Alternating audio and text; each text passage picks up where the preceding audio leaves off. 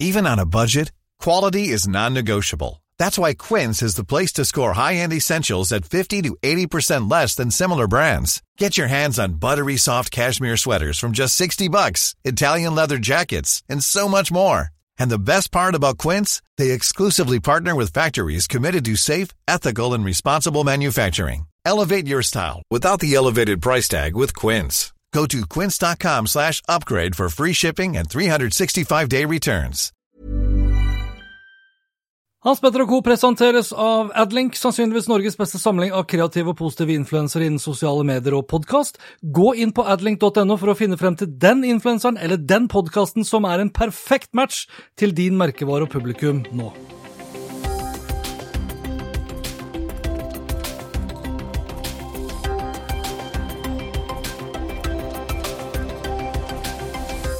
I denne episoden her så skal det annet handle om at Norges beste podkast om medier og mediebransjen er lagt ned, og det etter 600 episoder.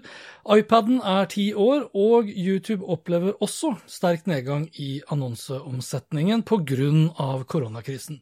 Velkommen til Hans Petter og co. Jeg heter Hans Petter, og denne episoden ble spilt inn onsdag 15. april. Lenker til alt jeg har snakket om, og øvrige innslag finner du på hanspetter.info.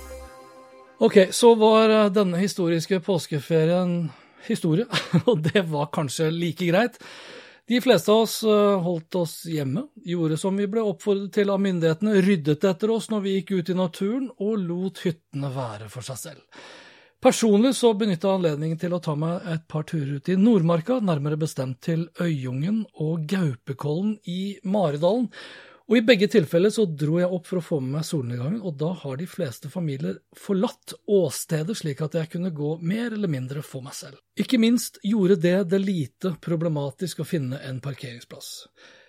Og så er jeg glad i å gå tur alene, meg og mine egne tanker, men også fordi jeg liker å fotografere og filme, og da gjerne med min medbrakte drone.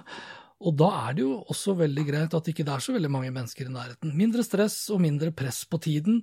Jeg kan tenke ut hvilke droneshots jeg vil ta, uten å være redd for at folk blir irritert over dronelyden, for det blir jo fort litt lyd. På Øyungen, for eksempel, hvor det var flere som hadde slått opp telt, så passet jeg for eksempel å dra opp dronen i nærheten av demningen, altså hvor støyen fra vannet som renner nedover elven, overgikk lyden fra de fire propellene. Og i tilfeller hvor det ikke egner seg eller ikke er lov å fly med drone, så kommer jeg også ganske langt med mitt Insta 360 One X-kamera, som jeg fester til da en tre meter lang selfiestang. På den måten så kan jeg filme ganske enkelt meg selv, både foran, bak og over, og det uten at selfiestangen blir synlig. Jeg tok også med meg Huawei P40 Pro, altså det siste flaggskipet til Huawei, eller da Huawei, som kjører på open source Android, og som mangler de fleste Google-apper. Jeg sier de fleste, for det er noen enkelte Google-apper som jeg faktisk klarte å dra med meg over fra min P30 Pro. Trumps relativt ambivalente forhold til Kina har jo skylden, men telefonen er uansett en veldig god telefon. God skjerm med 90 hertz refresh rate, som betyr at skjermen oppdateres veldig jevnlig, og det har litt med flyt når du f.eks. ser på film eller spiller. Et veldig godt batteri som varer hele dagen, and then some, og mest av alt en utrolig god kameratelefon som tar ekstremt gode bilder og videoer. P20 Pro var den beste telefonen jeg testa i 2018, og P30 Pro var den beste telefonen jeg testet i 2019. Og P40 Pro vil nok bli den beste telefonen jeg vil ha testa i løpet av 2020, og det til tross for at ganske mange viktige apper mangler. Altså apper som søkemotoren Google, eller Gmail, eller YouTube, Google Foto, Tesla sin mobilapp mangler, mobilbank-ID mangler, DNB Puls mangler, DNB mangler, Vips mangler, Netflix, Visma, Accounting, osv., osv., osv. Og det medfører jo noen utfordringer for meg. For bilder og videoer som jeg tar med P40 Pro i dag, ja, de må jeg liksom ty til litt sånn ekstraarbeid for å få overført. Og jeg har brukt to forskjellige måter. Jeg har overført bilder og video mellom P40 og P30, som har alle Google-tjenester, slik at jeg etterpå da kan synke bilder og videoer opp til Google Foto. I det siste så har jeg derimot begynt å overføre bilder og video til en Dropbox-konto, altså min egen Dropbox-konto, som så synkroniseres ned på min Macbook, og dernest så kan jeg da enkelt synkronisere innholdet videre til Google Foto. For jeg liker Google Foto, jeg liker å ha bildene der, jeg liker å ha videoene der.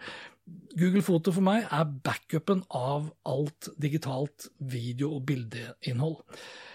Det er ingenting å utsette på selve telefonen sånn rent hardware-messig, men uten tilgang på fryktelig mange av de appene jeg bruker i det daglige, så blir du nesten avhengig av å ha to telefoner.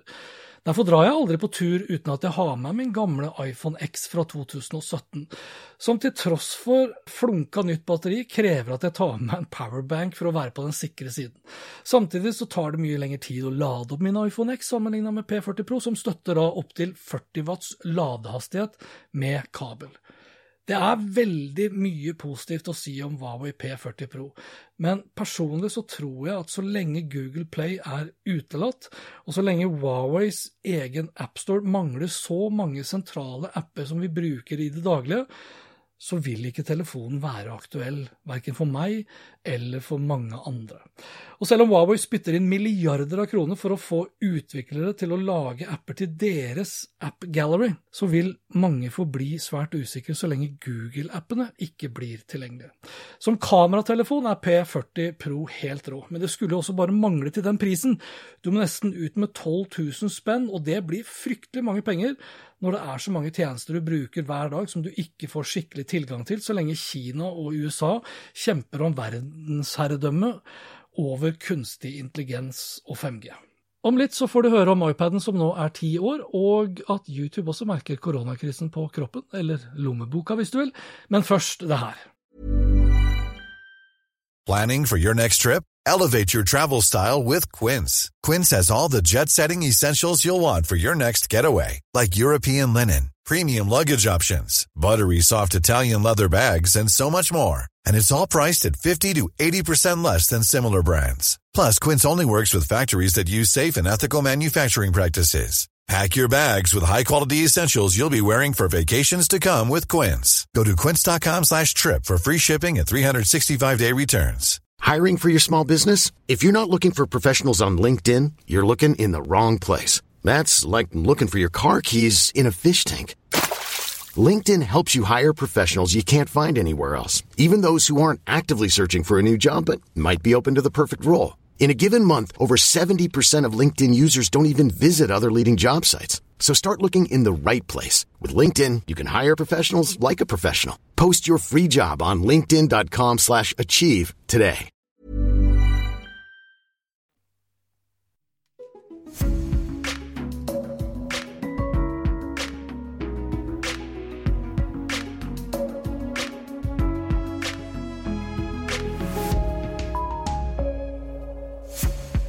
Det er like greit å innrømme det med en gang. Det er spesielt å være programleder i dag. For det du hører nå, er aller siste utgave av Kurer på P2 etter 15 år på lufta. Det du hørte her, var starten på den siste episoden av NRK Kurer. Den kom ut 4. april i år, rett før årets hjemmepåske, hvis du vil. Og etter snart 15 år og 600 episoder, så er det altså slutt. Og det for en av de desidert beste podkastene her til lands, iallfall hvis du er opptatt og interessert av medier og mediebransjen som sådan. I snart 15 år så har Kurer vært NRK sitt mediemagasin. Og som det står skrevet på munchstudios.no, som da produserer NRK Kurer, så fordyper programmet seg i aktuelle problemstillinger og i medielandskapet, både i Norge og i verden for øvrig. Og det har Kurer gjort til gangs, og alltid med svært høy kvalitet. Men nå er det altså slutt. Over. Punktum finale, finito. Og det i en tid hvor norske mediehus og mediebransjen som sådan aldri har vært under like mye press og under like mye økonomisk usikkerhet. Jeg spurte programleder Lars Erik Ertsgaard Ringen hvordan det føles å ha spilt inn siste episode av Kurer. Jeg må innrømme at det med blanda følelser har laga det siste utgaven av Kurer for P2. For det første så kjenner jeg på en ærefrykt, fordi jeg bare er den siste av svært mange flinke programledere som har laga Kurer siden det første programmet i september 2005. Og Utover det så må jeg innrømme at jeg kjenner på en stolthet over det jeg har vært med på å lage de fire åra jeg har hatt stafettpinnen. I løpet av den tida så har Kurer blitt mer aktuelt, føler jeg. Og innimellom så håper jeg òg at vi har laga program som har gjort lytterne litt klokere. Og så kjenner jeg sjølsagt på vemod, først og fremst fordi jeg må forlate et prosjekt jeg har hatt stort engasjement for, og et fagfelt jeg virkelig brenner for. Mediekritikk er jo blitt mer og mer viktig med årene, og vi lever i ei tid der eh, mange ting fører til at eh, det er viktigere nå enn på lenge at vi har et kritisk blikk på utviklingen og forstår det som skjer i media. Kurer var jo et program som ikke var laga for dem som jobber i bransjen. Det var mer et medieprogram som eh, forsøkte å nå alle, slik at folk får en forståelse for det maskineriet som produserer nyheter og underholdning. Og det håper jeg har vært med på å bygge tillit, og å motarbeide mediaskepsis. Nå syns jeg det blir spennende å se hvem som tar over stafettpinnen. Jeg er glad for at TV 2 akkurat har starta opp presseklubben, som på samme måte som eh, Kurer henvender seg til folk flest. Og hva den andre allmennkringkasteren NRK finner på nå, blir ekstra spennende å se. Jeg mener at de har et spesielt ansvar. Og at det er slutt, det er jo én ting, men hvorfor er det slutt? Altså, Hvorfor valgte NRK å avslutte samarbeidet med Munch Studios og Kurer nå, etter 600 episoder? Jeg tok eh, kontakt med radiosjefen i NRK, Katinka Rondan, og spurte henne hvorfor NRK valgte å avslutte Kurer. Kurer har vært et viktig og godt og solid medieprogram for NRK og i mange år har gjort en fantastisk jobb som vi er veldig takknemlige for. Grunnen til at det er slutt nå, det henger sammen med en større omlegging og fornying av hele helga på P2, der vi ønsker å jobbe med et enda mer levende og oppdatert tilbud som kan speile hele landet, bl.a. Uh, direktesendt morgenflate fra nord. Som nevnt så står mediebransjen overfor veldig mange og store utfordringer, og derfor trengs en podkast som nettopp Kurer, mener nå jeg iallfall. Og derfor spurte jeg også Katinka Rondan om NRK har planer om å erstatte Kurer med en annen podkast, og da med samme fokus. Når det gjelder mediejournalistikk, så skal og bør NRK ha mediejournalistikk. Det er veldig viktig, ikke minst nå. Eh, så det skal vi ha. Vi har eh, i dag eh, mediejournalistikk i noen flater, som f.eks. i Ekko. Men vi ser også på andre og større løsninger, og hva det blir helt konkret, får jeg nesten komme tilbake til. Personlig så venter jeg i spenning på hva det er NRK vil komme opp med nå etter at Kurer er historie. I mellomtiden så får du og jeg ta til takke med andre programmer som også dekker medier og mediebransjen, som f.eks. Presseklubben til TV 2, som for øvrig burde komme som en podkast, Pressepodden til Medie24, Anfopodden, Den norske mediepodden og til en viss grad den podden du sitter og hører på akkurat nå. Jeg vil uansett rette en stor takk til programlederne og produksjonsteamet bak Kurer. Rest in peace. Piratradioens dager er over. Nå er det podkasting som gjelder. Og i denne første utgaven av Kurer så får du vite hva podkasting er, og du skal få møte to glade amatører som driver med nettopp podkasting. Du hører på et radioprogram. Kurer. Det du hørte her, var litt lyd fra det aller første kurerprogrammet i historien, lørdag 3.9.2005. Programleder var Line Gevelt Andersen, og temaet var like aktuelt da som det er nå, nemlig podkast. En liten fun fact i den sammenhengen er at Kurer faktisk er NRKs eldste podkast, fordi denne første episoden ble lagt ut til nedlasting på nettet. Og det du hører nå, er den aller siste Kurerpodkasten, eller radioprogrammet om du hører oss direkte på P2. For nå er det slutt. Jeg heter Lars Erik Ertsgaard Ringen. Ha ei god påske, og ta godt vare på hverandre.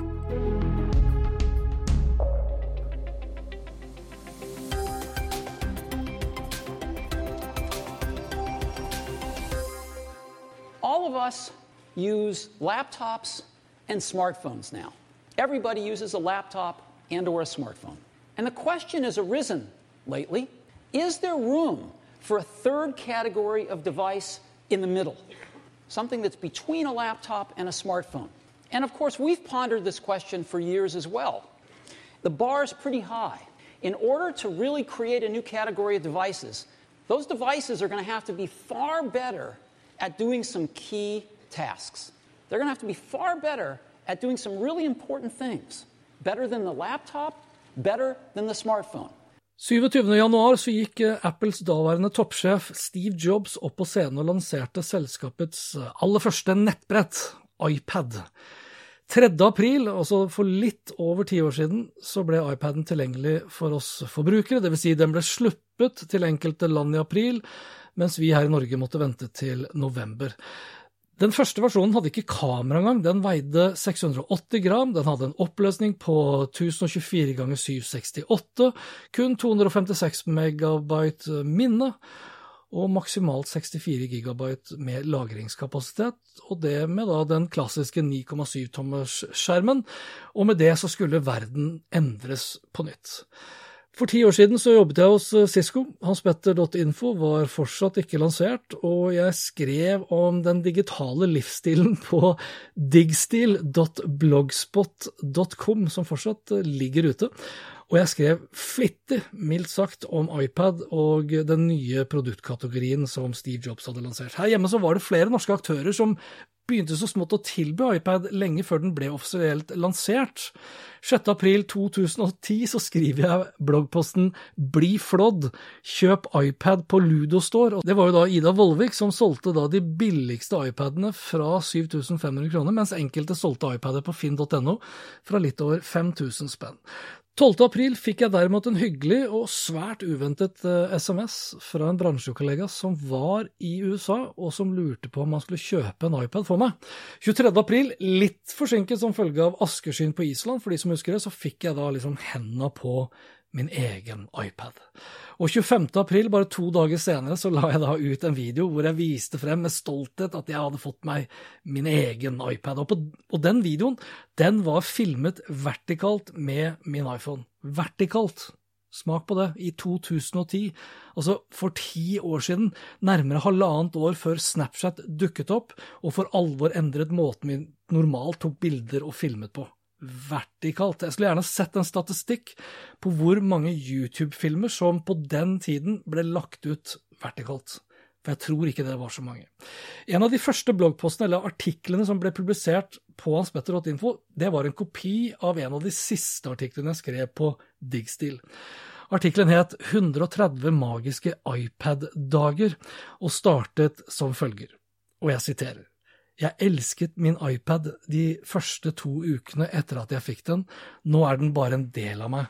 Når folk spør meg hva jeg synes om min iPad, er dette som regel svaret mitt. Det kan være flyvertinner, folk i loungen, på T-banen, bussen, på kafeen, ja, hvor som helst, egentlig.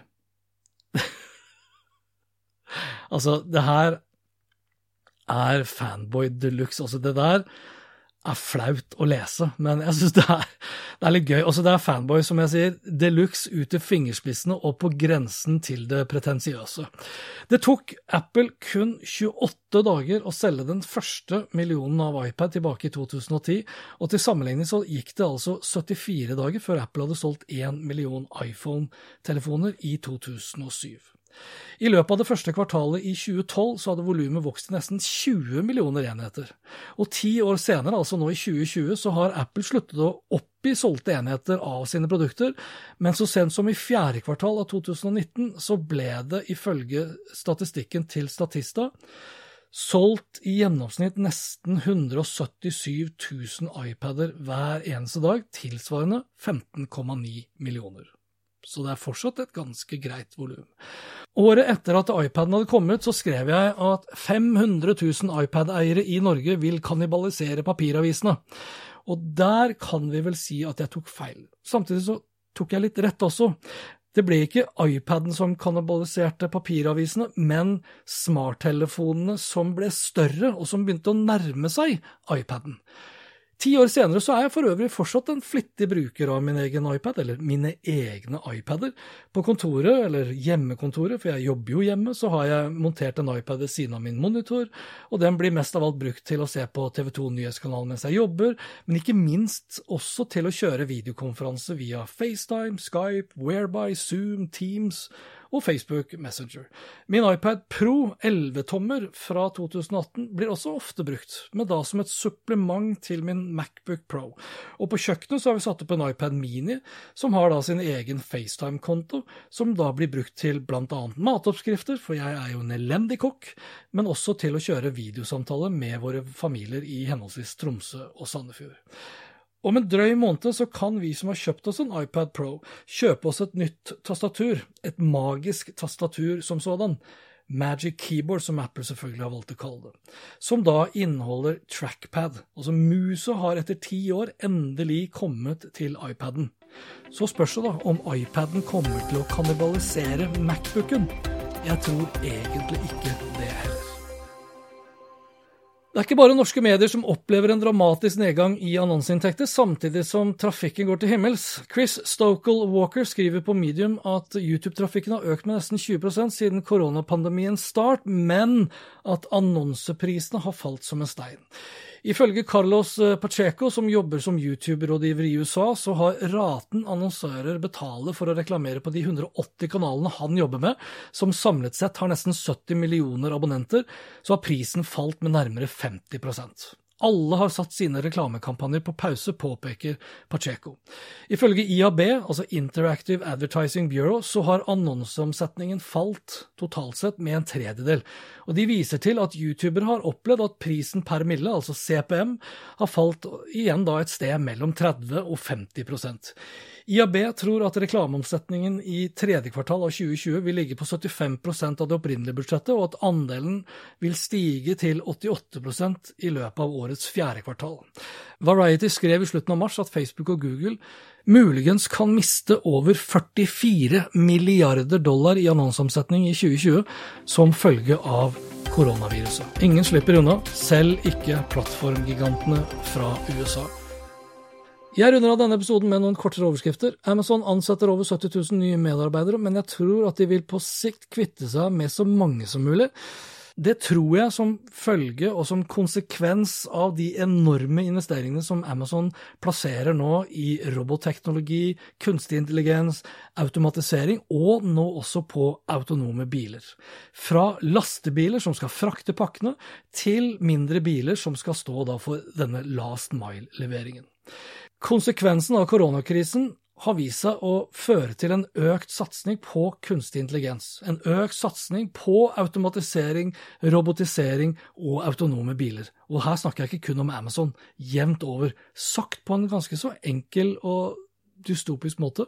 Akselerert utskifting av mennesker til fordel for teknologi. Har du hørt om CRISP? CRISP er en AI-tjeneste som fjerner bakgrunnslyd når du sitter hjemme og kjører videokonferanse. Løsningen er tilgjengelig som eh, egen eh, applikasjon til Windows og Mac, men også som et Chrome-innstikk. Og tjenesten er gratis eh, så lenge du begrenser deg til to timer bruk per måned. Ubegrenset bruk koster ikke så mye, 35 kroner i måneden. Tilgjengelig også som en egen app til IOS-enheter, og kan integreres direkte med Zoom, Google Meet, Webex og for så vidt også til StreamYard for de som bruker det når de skal strømme live, f.eks. til Facebook. Da forsvinner lyden av hunder som gjør i bakgrunnen, unger som griner, eh, trafikk fordi du sitter på verandaen fordi det begynner å bli pent vær, osv. Ifølge Retriever sin oversikt over koronakrisen så har norske medier skrevet over 230 000 saker, fordelt på om lag 740 medier. Adresseavisen har publisert flest saker, nesten 6000. Det skyldes at de også da deler absolutt alt som NTB skriver om korona. Dernest så kommer VG, Sunnmørsposten, NRK, P4 og Nettavisen. NRK, VG, Dagbladet, TV 2, Nettavisen og Aftenposten når flest, mens VG, NRK, Dagbladet, TV 2, ABC-nyheter og Resett, eller Resett, engasjerer flest på Facebook. Facebook-engasjementet knyttet til medienes omtale av koronakrisen har falt mye i løpet av påskeferien, fra nærmere en halv million 8. april til under 100 000 tirsdag 14. april. Så får vi se da om interessen tas opp igjen nå som vi er tilbake, for de som er så heldige, på jobb. Etter påskeferien. Siste gladsak om koronaviruset og krisene den fører til, eh, skal handle om, eller handler om telekomaktørene, for de kommer til å tape ganske mye. Blant annet fordi vi kommer til å reise på ferie mye mindre i år, spesielt da utenfor vårt eget land. Og derfor kommer mobiloperatører til å tape enorme penger på såkalte roaming-inntekter.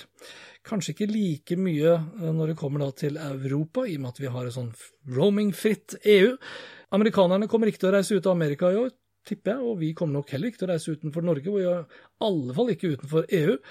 Og slikt blir det mindre penger av. De antar de kommer til å tape over 25 milliarder dollar på det. Og det på toppen av at 5G-utrullingen også kommer til å bli sterkt forsinket pga. det forbanna koronaviruset. Og dette var det for denne gang. Lenker til alt jeg snakket om over innslag finner du på hanspetter.info. Likte du det du hørte og vil forsikre deg om at du får med deg neste episode, da kan du bl.a. abonnere på Hans Petter Co. på Apple Podkaster. Ellers så foretrekker jeg for så vidt også andre podkastspillere. Spotify, Acast, Google Podcast, Overcast og TuneIn Radio. Inntil neste gang, vær nysgjerrig, for det er den beste måten å møte vår digitale fremtid Hans Petter og Co. presenteres av Adlink, sannsynligvis Norges beste samling av kreative og positive influensere innen sosiale medier og podkast. Gå inn på adlink.no for å finne frem til den influenseren eller den podkasten som er en perfekt match til din merkevare og publikum nå. Hey, it's Paige DeSorbo from Giggly Squad. High quality fashion without the price tag. Say hello to Quince. I'm snagging high-end essentials like cozy cashmere sweaters, sleek leather jackets, fine jewelry, and so much more. With Quince being 50 to 80% less than similar brands. And they partner with factories that prioritize safe, ethical, and responsible manufacturing. I love that. Luxury quality within reach. Go to quince.com slash style to get free shipping and 365-day returns on your next order. quince.com slash style. My business used to be weighed down by the complexities of in person payments. Then, Tap to Pay on iPhone and Stripe came along and changed everything. With Tap to Pay on iPhone and Stripe, I streamlined my payment process effortlessly. Now I can accept in person, contactless payments right from my iPhone. No extra hardware required. What's truly remarkable is how I can cater to all of my customers' payment preferences. Whether they're using cards, Apple Pay, or other digital wallets, Tap to Pay on iPhone and Stripe ensure a smooth checkout experience every time. And it's not just me. Stripe helps businesses of all sizes, from local markets to global retailers, scale quickly and stay agile. To learn how Tap to Pay on iPhone and Stripe can help grow your revenue and reach, visit stripe.com slash tap iPhone.